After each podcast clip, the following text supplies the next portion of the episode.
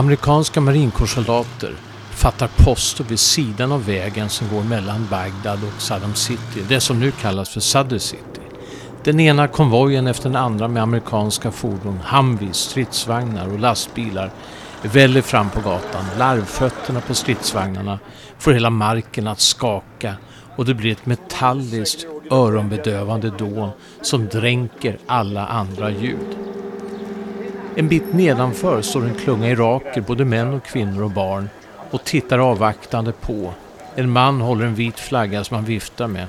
Soldaterna verkar inte ta någon som helst notis om dem utan koncentrerar sig på att sprida ut sig och lägga sig i beredskap.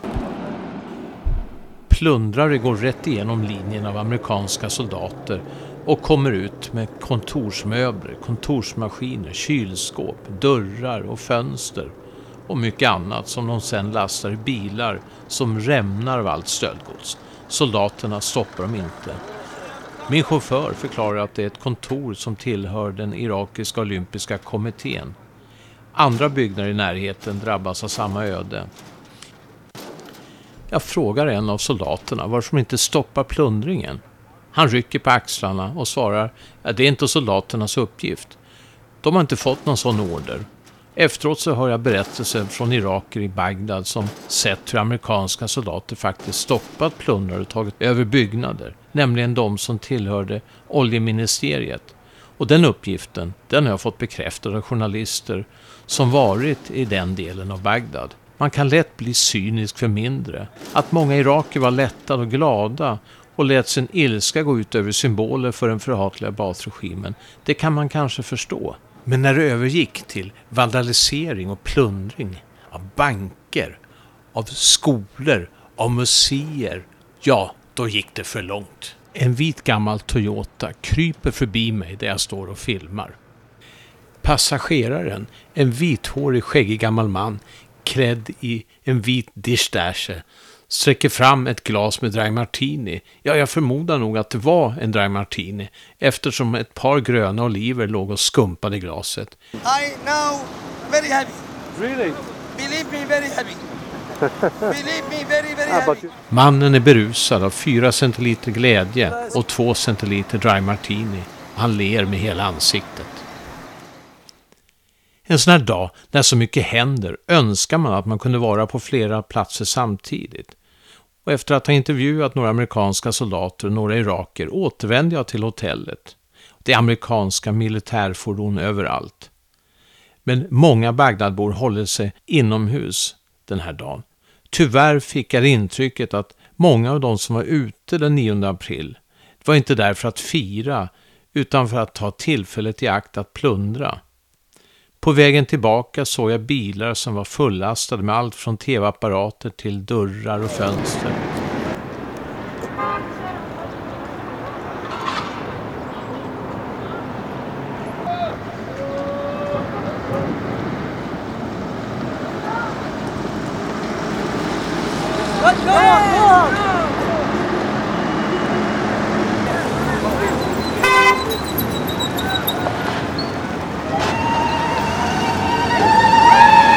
Jag såg till och med någon i en gammal öppen traktor av märket Zetor som framfördes i en fart som fordonet säkert inte var gjord för. Mannen som kör den gör tummen upp åt oss. En liten pojke står bakom mannen och ler och vinkar åt oss.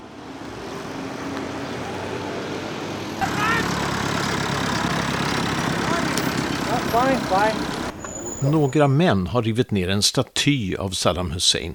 Den ligger på marken ihålig och ser ut lite grann som plåtmannen i Trollkaren från Os. Huvudet sitter kvar i själva bålen, men armar och ben har lossnat. Deras ilska är riktad mot symbolen för allt ont som drabbat det irakiska folket sedan slutet av 70-talet. En man ställer sig upp och hoppar på huvudet. En annan spottar på statyn. Någon kastar sten på den. Någon slår på den med sin sko. هذا شيطان ما ما انت موجود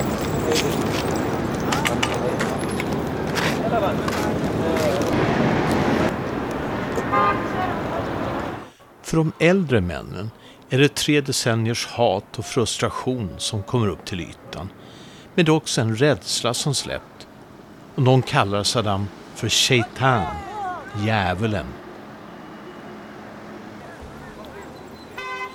Jag måste tillbaka och rapportera om vad som händer. Enda kontakten med tidningen är via en satellittelefon som jag nu äntligen vågar ta fram och sparka igång. Ett skrämmande dån når mig där jag sitter inne på mitt hotellrum och pratar med tidningen. När jag tittar ut från balkongen ser jag några amerikanska militärfordon som åker runt Paradistorget. Det känns väldigt regisserat. Jag kan inte låta bli att tänka på journalfilmer med hur amerikanska jeepar åkte runt triumfbågen i Paris i augusti 1944. Skillnaden är att rondellen i Bagdad inte är lika stor. Och det är heller inga människor som står och viftar med flaggor eller några kvinnor som kastar sig runt halsen på de amerikanska soldaterna och kysser dem. Till soldaternas och de amerikanska politikernas besvikelse. Jag menar för de politiker som regisserat det här triumftåget. Det är klart att de valde ut den här platsen för sitt triumftåg med omsorg. Drygt 200 journalister, många av de största internationella tv-kanalerna som alla sitter på första parkett och inte bara ser föreställningen utan återsänder den i vissa fall live. Nu gäller det att sälja det svårsålda illegala kriget genom att visa upp bilder av jublande iraker. Amerikanska marinkårssoldater går i ställning runt omkring Paradistorget, Palestine Hotel och Sheraton. Några av dem stövlar in på Palestine Hotel. Att se dem där framkallar blandade känslor hos mig. Å ena sidan innebär deras närvaro ett slags skydd. Å andra sidan känner jag en ilska. Det har bara gått en dag sedan två av våra kollegor dödats av amerikanska soldater. Lite senare når föreställningen sin kulmen. Jag har sett tv-bilderna i efterskott, ska jag kanske tillägga. Eh, det ser ut som en stor folkmassa som samlats. Man får intrycket att det är många iraker som är där och att de jublar. Men så såg det inte ut i verkligheten. Jag skulle uppskatta antalet till max 150 personer. Det stora flertalet av dem, de var inte iraker.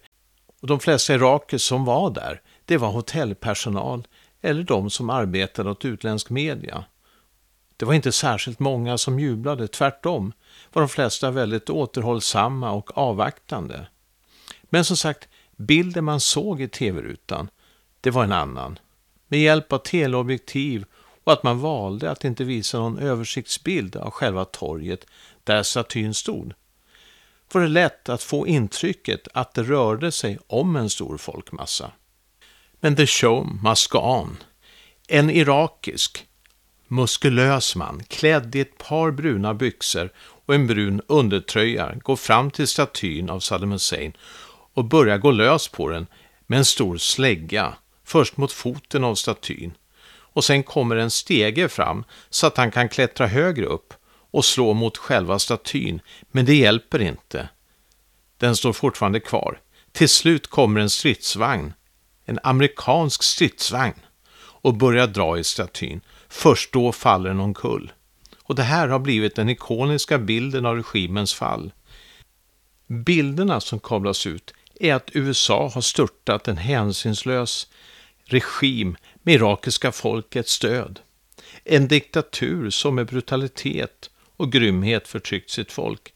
Det stämmer att USA störtat Saddam Husseins diktatur, men att det skett med det irakiska folkets stöd, det kan i allra högsta grad ifrågasättas. För mig kommer regimens fall alltid att förknippas med när amerikanarna åkte runt Paradistorget när de gjorde sitt triumftåg. I ett släptåg med amerikanska militären, CIA och amerikanska politiker kom INC, Iraqi National Congress, en slags paraplyorganisation bildad på 90-talet där man samlade olika exilgrupper som var oppositionella mot regimen vars mål var att störta Saddam Hussein och införa ett demokratiskt styre i Irak. Och en av de mest tongivande inom INC var Ahmed Chelabi som tillsammans med några andra inom gruppen med hjälp av avhoppare och falsk information gjorde gällande att regimen hade tillgång till kemiska och bakteriologiska vapen och till och med var nära att få tillgång till atomvapen. Dessutom hävdade de att Saddam Hussein skulle ha kopplingar till al-Qaida och 9-11. INC förde fram de här falska bevisen till Cheney och Rumsfeld. Det var på de här argumenten som Bush-administrationen baserade sin attack mot Irak. Med tanke på Chelabis bakgrund, han var efterlyst av Jordanien för bankbedrägerier, är det konstigt att Bush-administrationen valde att lyssna på honom?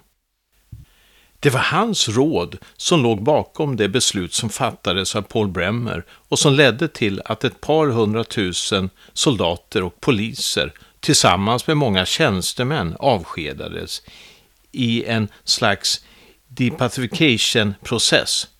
Konsekvensen av detta känner irakerna fortfarande av. Det började med en sekteristisk konflikt som övergick i inbördeskrig och som banade väg för al-Qaida och Islamiska staten. Den 9 maj slutar med att anarki och laglöshet sprider sig som en farsot, inte bara i Bagdad, utan även i andra städer och provinser. Och morgonen därpå ser jag konsekvenserna av det i Bagdad. Inte så långt från Palestine Hotel ligger Rafedin-banken på Sadoun Street.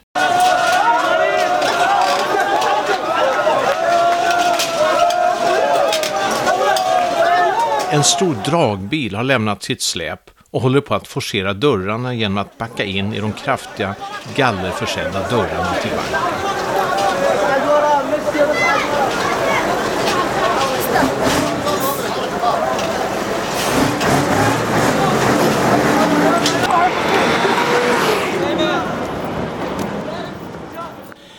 Den starka motorn vrålar när föraren gasar på och efter några försök ger dörrarna vika.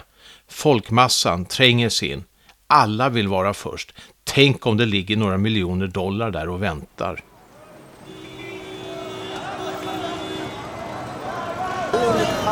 دولارات دولارات هاي مال صدام كان باقي صدام حسين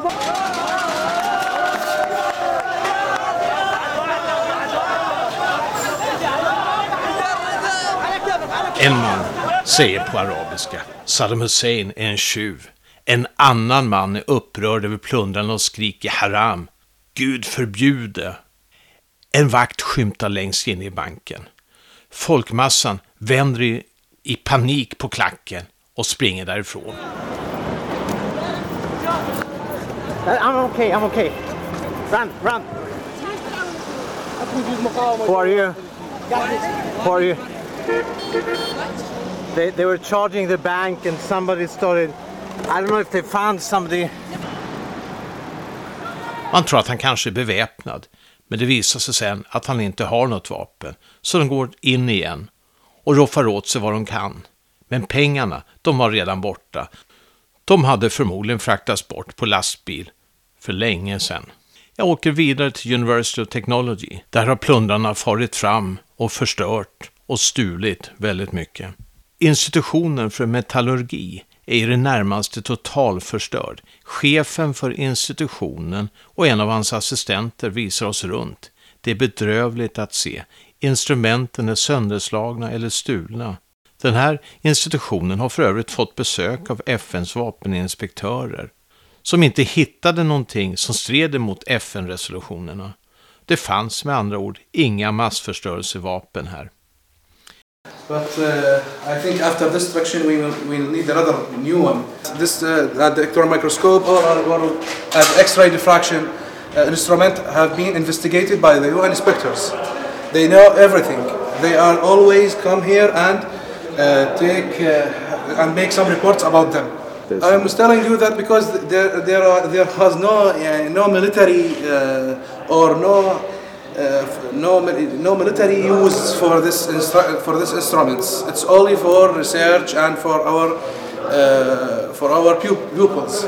This the department is very important because it's the the main the main uh, guide, the main supplier for the engineers of, of engineers to re uh, to, to, to set up the uh, factory factories in Iraq. You know, we are working with metals, with metals and alloys, and so this is the only department in the Middle East that studying these materials.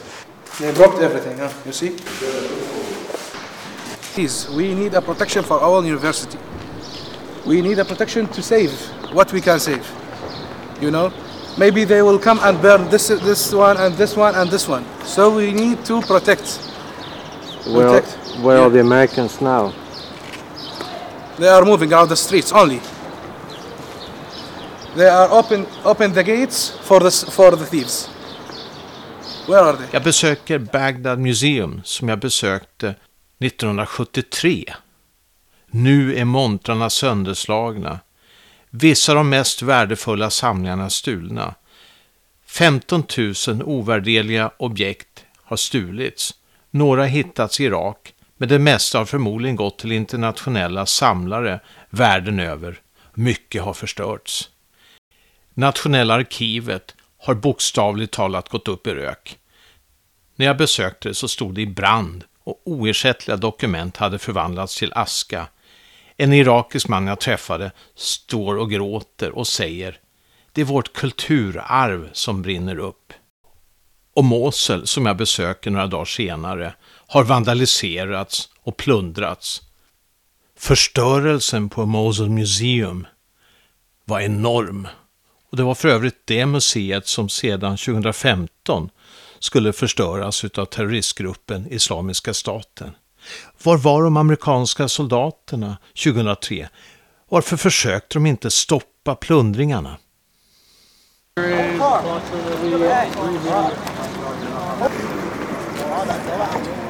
En vit Toyota pickup som kört förbi oss i en rasande fart har kört upp på trottoarkanten vid checkpointen framför Paradistorget.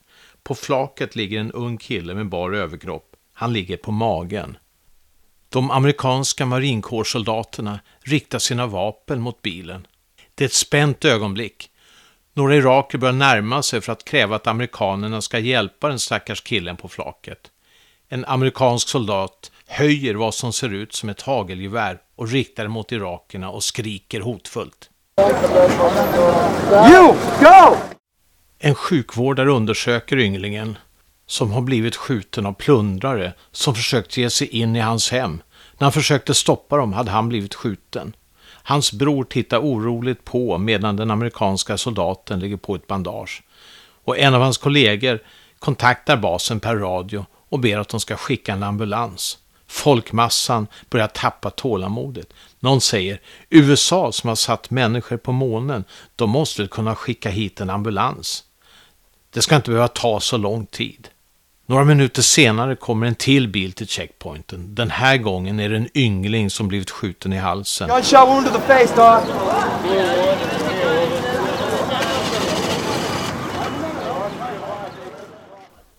Det här var bara början på den våldsvåg som sen skulle hemsöka Irak.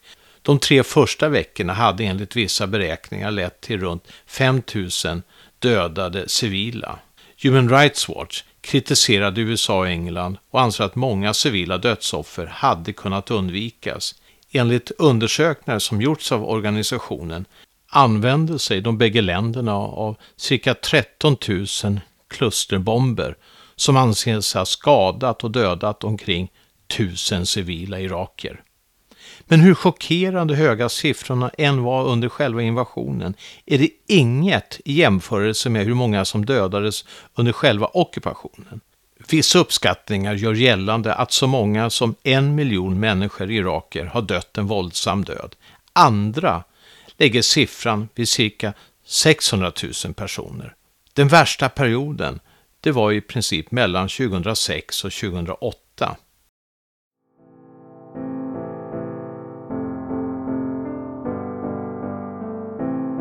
Sedan den 20 mars har kontakten med mina släktingar i Basra varit bruten på grund av att telefonledningarna varit obrukbara.